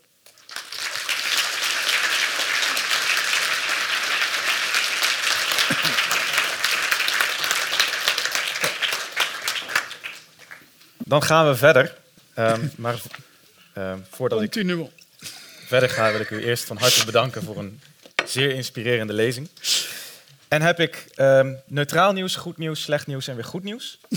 Het neutrale nieuws is, we gaan iets langer door dan verwacht, tot uh, kwart over negen. Maar als u onverhoopt al eerder weg moet, dan kunnen wij u helaas niet tegenhouden. Um, Dan is er goed nieuws en na afloop is er een borrel in het cultuurcafé waar u alle welkom bent. Het slechte nieuws is, u moet alles zelf betalen. het goede nieuws is wel weer dat het boek wat vandaag eh, te koop is, laat het nog een keer zien, het Muziek van het Leven, eh, geen 1995 zal kosten, maar 1795. Dus wat u daar koopt, kunt u weer. Dus Zie nu het gezicht van de directeur betrekken. Als dat niet zo is, is het, niet, is het uh, de schuld van de meneer die daar boven aan de trap staat. Nee hoor, ik denk dat... Goed. Um, ja, ik heb, ehm, als ik zelf tel, zo'n 15 vragen, maar die ga ik niet allemaal stellen. Eén ehm, ding wat mij opviel toen ik net het boek in handen gedrukt uh, kreeg, en met iets wat u zei over Joost Zwageman en uh, over je verhouding tot je eigen uh, tot je eigen leven en over je idee van wat je bent, is iets wat ik gelijk op de achterflap las. En dat wil ik graag even voorlezen. Er staat: Het leven is volgens Nobel, het leven, met een symfonie te vergelijken, waarin de bladmuziek genen, de instrumenten cellen, de secties in het orkest, organen en de componist, de evolutie, allemaal even onontbeerlijk zijn. Um, nu zou ik, als ik de advocaat van de duivel zou spelen, en dat ga ik even doen, kunnen zeggen, waar zit daar mijn vrijheid? Want in plaats van een simpel substraat, genen die mij uh, determineren, lees ik nu vier of vijf verschillende zaken, cellen, organen enzovoort, die elkaar naar beneden en omhoog determineren, plus de kracht, de evolutie. Maar is het dan niet erger geworden? Ben ik dan niet minder vrij geworden in plaats van vrijer, nu er meer krachten zijn die bepalen wie ik ben? Um, nou ja, dat ligt eraan waar je die vrijheid um, lokaliseert. Hè? Um, als je zegt, nou ja, daar is dat lichaam en dat doet allerlei dingen, maar ik ben ook dat lichaam. En die zelforganisatie maakt dat mijn lichaam mij ook een heleboel dingen laat doen. Die, ja, die kan ik vrijheid noemen. Niet vrijheid alsof ik vanuit een soort cockpit zeg maar, het lichaam aanstuur. Wij zijn ons breinachtig idee. Want um, ook onze geest is deel van, een, hè, van die totaliteit. Ja.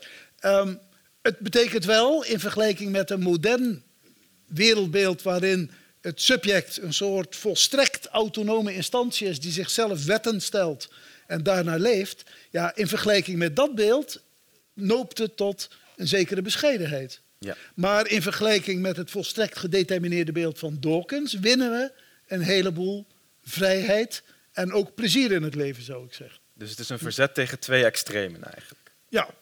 Um, dan, dan, heb ik een vraag over een van die, van die extremen. We hebben het daar net al kort over gehad. Eh, wat ik me afvraag is, wat is uiteindelijk de charme van uh, een simpel reductionisme? Waarom zien we steeds weer opnieuw de populariteit van wij zijn ons brein, wij zijn ons genen, uh, wij zijn een evolutionair patroon van 50.000 jaar geleden dat zich herhaalt, wij zijn onze oerdriften. Wat is de, waarom zijn die verhalen over een soort biologische, simpele determinant zo ontzettend populair? Ja, ik zou, ik zou zeggen dat ze zowel populair zijn als um, deprimerend. Hè? En afhankelijk, ja, nou, het kan beide, naar beide kanten uitwerken. Aan de ene kant heeft het natuurlijk de, um, het prettige van... Uh, als je een, een, simpel antwoord op alle problemen hebt... Mm -hmm. hè, um, dat, dat is makkelijk. Dan denk je, oh, is dat alles dat je moet doen. Hè? Het is een beetje in de politiek als populisme. Hè? Heb je dat ook? Van nou, als we de buitenlanders eruit gooien, zijn alle problemen opgelost. Nou, dat, nog los van het feit dat dat niet kan, is dat natuurlijk ook een, een onzinnige gedachte. Maar ja, het is een prettig idee. Zo simpel is het dus blijkbaar. Ja, dus in die zin zijn simpele oplossingen zijn vaak aantrekkelijk. Um, ze kunnen ook heel deprimerend werken, wat we ook gezien hebben bij Joost Zwagemans. En ik heb zelf, ik, ik doseer in Rotterdam en ik, eh, af en toe heb ik studenten die uit de Zeeuwse Bijbelbelt komen. Dat is een beetje, zeg maar, ook een deel van onze populatie komt daar vandaan. En ik heb niet heel vaak, maar ik heb een aantal studenten gehad die echt diep in dat ook religieus deterministische wereldbeeld zijn opgegroeid. En die echt in een soort constante depressie verkeren, dat ze zeggen, ja, misschien ben ik uh, verdoemd. Mm -hmm. En zij zijn vaak heel erg aan het worstelen om van dat wereldbeeld af te komen. Maar eh, het kan dus ook heel erg beperkend en deprimerend werken als je dat niet hebt. Hè? Dat eenduidige verhaal. Dus het, dat is een beetje. Maar het, heeft, het kan aantrekkelijk zijn in de zin. A theory of everything, wie wil die niet hebben? En dan, dus, dus, dat is ook, want ik heb net even snel gespiekt in het nawoord dat u geschreven heeft. Dat is dan ook waarom u uh, deze theorie van Dennis Noble een, een optimistische boodschap zou noemen. Ja, het is, ik, ja, optimistisch en nou, realistischer, laat ik het zo zeggen. Ik bedoel, hij zegt niet van als je uh, dit leest en uh, ervoor tekent, dan uh, is gegarandeerd dat je een gelukkig leven hebt. Maar het is een stuk realistischer en meer aansluitend bij onze levenspraktijk. Ja. Dus dat, dat, vind ik, um, dat vind ik al een enorm voordeel. En het leert ook nog iets anders. En dat vind ik ook het mooie van het boek. Dat um, de metafoor die je kiest is niet louter een ornament. Hè? Ik je kunt zeggen, ach, wij zijn voertuigen van degene of ons leven is een muziekstuk. Kun je zeggen, nou ja, dat is maar hoe je het verkoopt.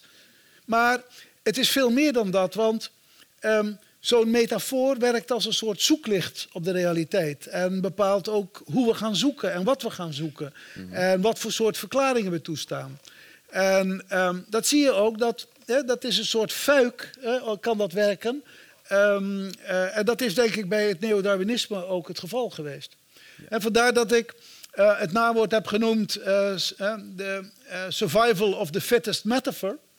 De, de, beste metaforen moeten in feite in deze overwinnen. En dat zijn, denk ik, de metaforen die ons beter in staat stellen te leven.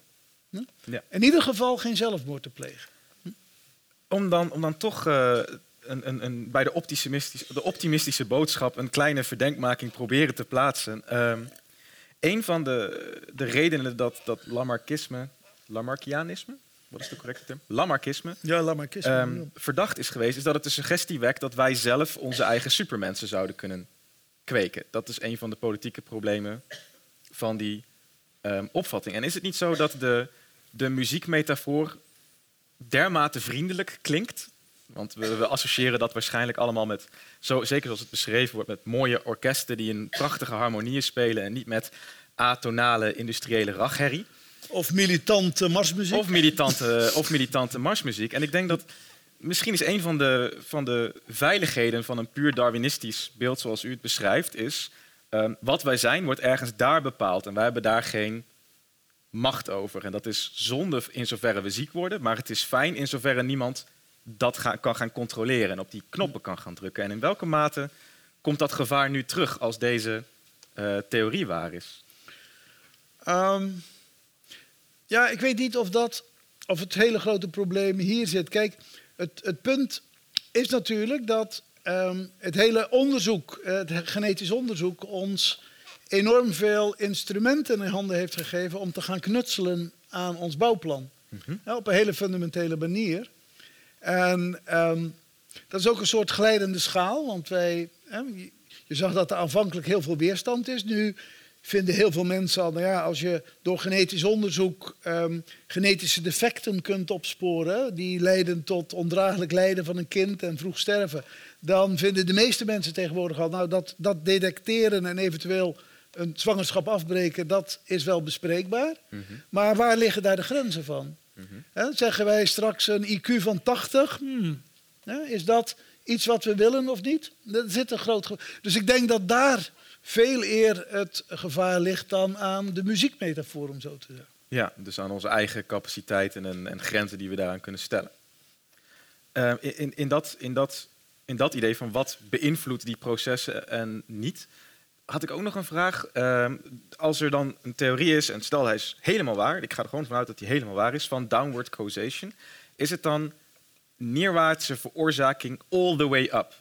Zou het dus, in, dat, dat is mij niet duidelijk, zou het in theorie dus zo kunnen zijn dat het gesprek dat wij nu hebben zich op een of andere manier tot op, gen, tot op genetisch niveau laat uh, gelden, inslijt? Jawel. Ja. Ja. Er is zeg maar in. Uh, maar ik moet daar ook weer met de kwalificatie erbij. Maar er is zeg maar in Rotterdam um, traditie van onderzoek naar de invloed van hoe je stemming is op ontwikkeling van kanker. Mm -hmm. He, dus hoe je erin staat is van groot belang daarin. En ik zeg met de kwalificatie, want ik wil voorkomen uh, dat uh, het idee postvat dat ik zou zeggen, het zit alleen maar tussen je oren. Hè? Want dat, ik bedoel, dat is een hele extreme versie daarvan. Dat natuurlijk niet, want er zijn, hè, er zijn uh, genetische defecten die eh, aantoonbaar eh, schade teweeg brengen. Maar de mate van ontwikkeling van, van de expressie van genen, et cetera, daarvan is ook downward causation, hoe je erin staat, is van belang. Hoe je verhoudt daartoe. Ja, maar dat, dat is vergelijkbaar natuurlijk met, met, met Medea, hè, die met dat mes voor haar kinderen staat. Daar zijn ook krachten. Hè, de, de jaloezie die haar ingeven te steken. En die jaloezie kan soms te sterk zijn en bij Medea was dat. En ze doodde haar kinderen. Maar ze vocht er wel mee. Dus ik, soms verlies je die strijd. En ik bedoel, dat is ook met ziekte natuurlijk. Maar het betekent niet dat je louter speelbal bent van genetische Ja. processen. Want ze maken deel uit. De muziek is het geheel. En er zijn vaak ook valse tonen bij. En als je niet van atonale muziek houdt, kan je leven soms ook zeg zijn. vreselijk klinken. Maar ehm, je bent niet een louter speelbal. En dan eh, als, als laatste vraag voor mij, voordat ik het aan de, aan de zaal overgeef. Eh, de titel van het seminar vanmiddag was Human Nature After Neo-Darwinism. Eh, wat, blijft er, wat blijft er nog over aan menselijke natuur in dit beeld? Wat, wat, wat blijft er een werkbare definitie van wat onze natuur is als dit klopt? Nou ja, wat denk ik voor. Kijk, we zijn natuur in de zin, staan wij in een hele lange traditie. Hè? Maken wij deel uit van een evolutie die 4 miljard jaar heeft geduurd. Hè? En die ook in ons nog werkzaam is. Hè? Dat vind ik ook vaak wel een soort prettig idee. Hè? Dat, eh, dat ik een culminatiepunt van 4 miljard jaar evolutie ben. Hm? En dat geldt voor ons allen. Hè? Ik bedoel, het is niet. Dat u niet denkt, deze auteur, die ehm, heeft wel een hele hoge dunk van zichzelf. De, ik bedoel, als mens is dat, een, ehm, is dat zeg maar, toch vind ik het in zekere zin een troostrijke gedachte. Je doet het niet alleen, zeg maar. Het is, hè, 4 miljard jaar evolutie heeft dit mogelijk gemaakt. Ehm, maar bij mensen is er nog wel iets heel bijzonders natuurlijk. Dat die downward causation, die op alle niveaus speelt, bij ons ook de vorm heeft gekregen dat onze ideeën ehm, heel belangrijk zijn in hoe die werkelijkheid aan ons overkomt. En en het voorbeeld van die metafoor is daarvan een prachtig voorbeeld. Kijk, de natuur is heel complex en wij kunnen daar vele verhalen op loslaten. En het soort verhaal wat wij vertellen is mede bepalend voor dat object. Dus dat is typisch menselijk, zou ik zeggen. Dat is iets wat ehm, mensen en misschien in beperktere mate hogere primaten, die zitten in veel opzichten dicht tegen ons aan. Maar in ieder geval, door onze taal met name, kunnen wij niet alleen de werkelijkheid beschrijven, maar kunnen wij ook mogelijke werelden beschrijven, negaties beschrijven. Dus ik kan ook mijn leven denken dat het anders zou kunnen zijn dan het nu is. Wat mij weer de mogelijkheid biedt tot verandering. En dat, dat unieke vermogen van de mens, zou ik zeggen, dat is het menselijke van de menselijke natuur. Helder. Dan wou ik graag de zaal de gelegenheid geven om vragen te stellen. We hebben twee microfoons. Als u een vraag heeft, eh, kunt u een hand opsteken en dan hopen dat u de beurt krijgt. En eh, als we toch in de muziekmetaforen blijven, eh, liever de lengte van een akkoord dan een hele symfonie, want dan komen andere mensen ook aan bod. Daar in het midden.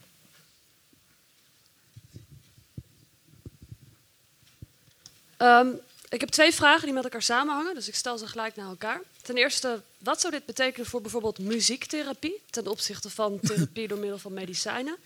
En is de metafoor, werkt die ook voor bijvoorbeeld beeldende kunst, theater, dans, et cetera? Dat is een moeilijke vraag. Een goede vraag en daarom een moeilijk te beantwoorden vraag. Ehm, ja, ik heb natuurlijk ehm, in navolging van Nobel muziek hier als een metafoor gebruikt om het leven te beschrijven. En ik heb niet zozeer over de rol van, eh, van muziek in het leven zelf gesproken. Ehm,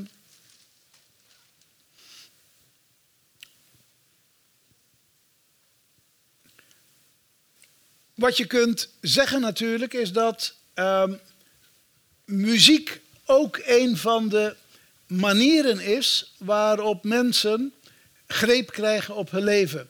En je kunt dat, je kunt denken, zeg maar, ook als je, ehm, eh, als we hier denken aan eh, hoe ehm, muziek als ritueel is ontstaan in de loop van de menselijke geschiedenis, is het bijvoorbeeld een manier om zware arbeid te begeleiden. Denk ook aan de gezangen van de slaven bijvoorbeeld op de plantages. Dat is ook een manier om krachten op een bepaalde manier vorm te geven, ze te esthetiseren op een bepaalde manier en de greep op te krijgen. Ik denk dat dat uh, een belangrijke functie van kunsten is, ook van beeldende kunst en literatuur en dergelijke. Uh, dus in die zin past dat bij dat deel van die menselijke natuur um, die ons in staat stelt ons leven zelf mede vorm te geven. Is dat een beetje antwoord op uw vraag? Ik vond hem een lastige. Dan zag ik daarvoor een vraag op de vijfde rij.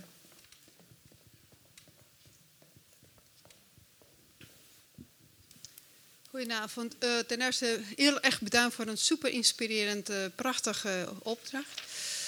Um, ik zit zelf in de genetica te werken en we hebben uh, alle genen min of meer op kaart, zoals u heeft beschreven. we zijn bezig met epigenetica. Maar we zitten ook bezig en we zitten aan het voet van wat nu gaat gebeuren met genetic engineering. Al wat CRISPR-Cas9 en alles wat mogelijk is. Dus we kunnen niet alleen maar terugkijken van wat ons heeft gemaakt en hoe wij als organisme in elkaar zijn. Maar we zijn nu in staat nieuwe noten in onze muziek toe te voegen door heel veel dingen veranderen eh, door onszelf. En waar gaan we naartoe met deze veranderingen? Mm -hmm. Ja, de vragen worden steeds moeilijker. en dus de tweede nog maar. Ja.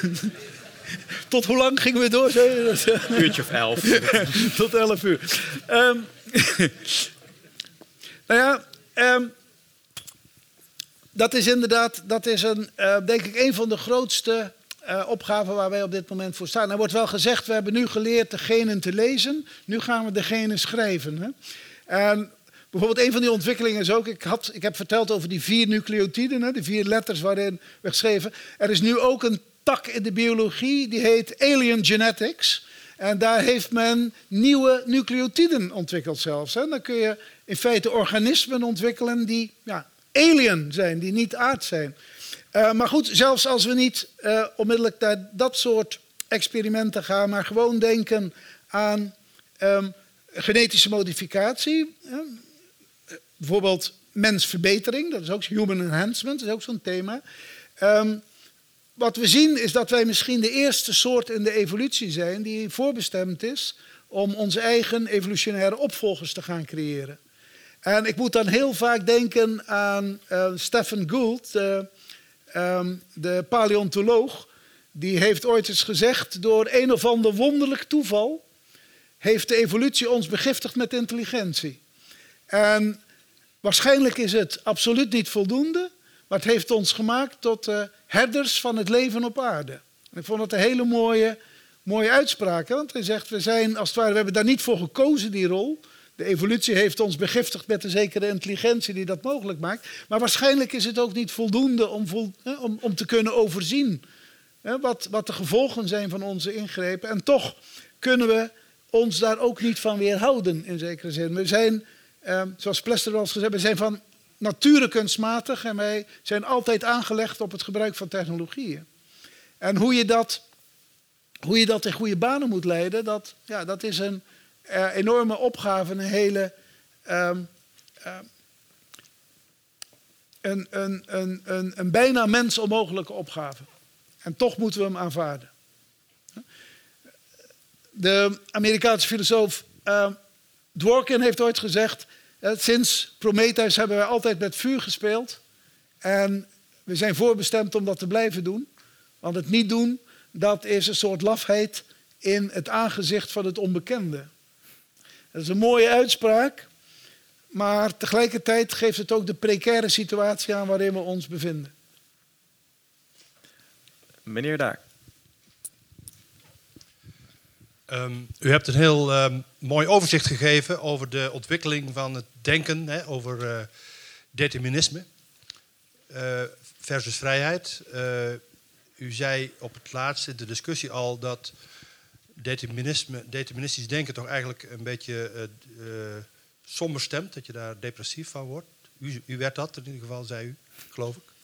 En mijn vraag is of het niet ook voor sommige andere mensen geruststellend kan zijn die juist misschien heel erg angstig worden bij de gedachte dat er ook zoiets bestaat als vrijheid. ja. ja. nee, dat is een. ehm, dank u voor die opmerking. Ik moest ook even denken, maar ik was het vergeten toen de vraag over het determinisme gesteld werd. Ehm, een boek wat ook wel indruk op me gemaakt heeft, is van Dalrymple. Ehm, die heeft een boek geschreven. Ik heb het in het Nederlands gelezen. Leven aan de onderkant heet het. En, en Dalrymple is een ehm, psychiater die in gevangenissen werkt in, eh, in de buurt van Londen. Heeft te maken met zware criminelen. En ehm, hij vertelde, het is een nogal somber boek, want hij zegt, ja, ik heb te maken met, eh, met cliënten. Hè, als ik ze aanspreek, die hebben bijvoorbeeld iemand doodgestoken in de kroeg. En dan zeggen ze, ja, waarom heb je dat gedaan? En dan zeggen ze, the knife went in. Of the beer made me wild. Dat is een afschuiven van verantwoordelijkheid. En, dan, en ook velen zeiden, ja, door mijn jeugd ben ik zo geworden. En het is een, eh, hij wordt vaak als een conservatief denker gezien, Dalrymple, omdat hij zegt, ja, al die theorieën over sociale determinatie van gedrag, eh, die in de jaren 60 en 70 zijn ontwikkeld, die worden nu massaal aangegrepen door mensen om hun verantwoordelijkheid af te schuiven. De de beer made me wild, the knife went in. Ik heb het niet gedaan, maar de omstandigheden hebben mij ge- gemaakt dat ik dat deed. In die zin denk ik dat voor die mensen dat determinisme een soort, ehm, ehm, nou misschien geen prettige gedachte, maar in ieder geval ehm, schuift het de verantwoordelijkheid weg die ze dan niet hoeven te nemen. Ja, misschien dat daarom veel mensen zich toch ook aangetrokken voelen tot die gedachte. Ja, dat zou kunnen. Ja. Ik bedoel, als je verantwoordelijk bent. Kijk, ehm één artikel ehm, wat ooit geschreven is over Medea vond ik heel mooi. Dat artikel heette Responsibility Without Freedom. En dat zei, kijk, ehm, Medea was niet vrij in het kiezen van haar omstandigheden. Hè? Dat zij eh, door haar man verlaten wordt, eh, dat zij gedumpt wordt en dat ze zelfs teruggestuurd dreigt te worden naar het land van herkomst, waar ze heel wat op haar geweten heeft. Dus die zullen haar niet in dank hè, ontvangen daar. Daar heeft ze allemaal niet voor gekozen, daar was ze niet vrij in. En toch is ze verantwoordelijk en neemt ze de verantwoordelijkheid voor gaan handelen. En dat maakt haar toch een moreel sujet. Ze is niet sympathiek, ze vermoordt haar kinderen. Maar ze neemt wel de verantwoordelijkheid. Ook al kun je objectief zeggen, nou, ze heeft eigenlijk heel weinig vrijheid gehad in die keuzes. Want het leven heeft haar een beetje in die richting gedwongen. Met die eh, optimistische, dan wel pessimistische gedachten wil ik afsluiten, want ik kreeg signaal van boven dat het eh, klaar is. Eh, ik wil professor Jos de Mul eh, graag nog een keer hartelijk bedanken voor zijn bijdrage vanavond.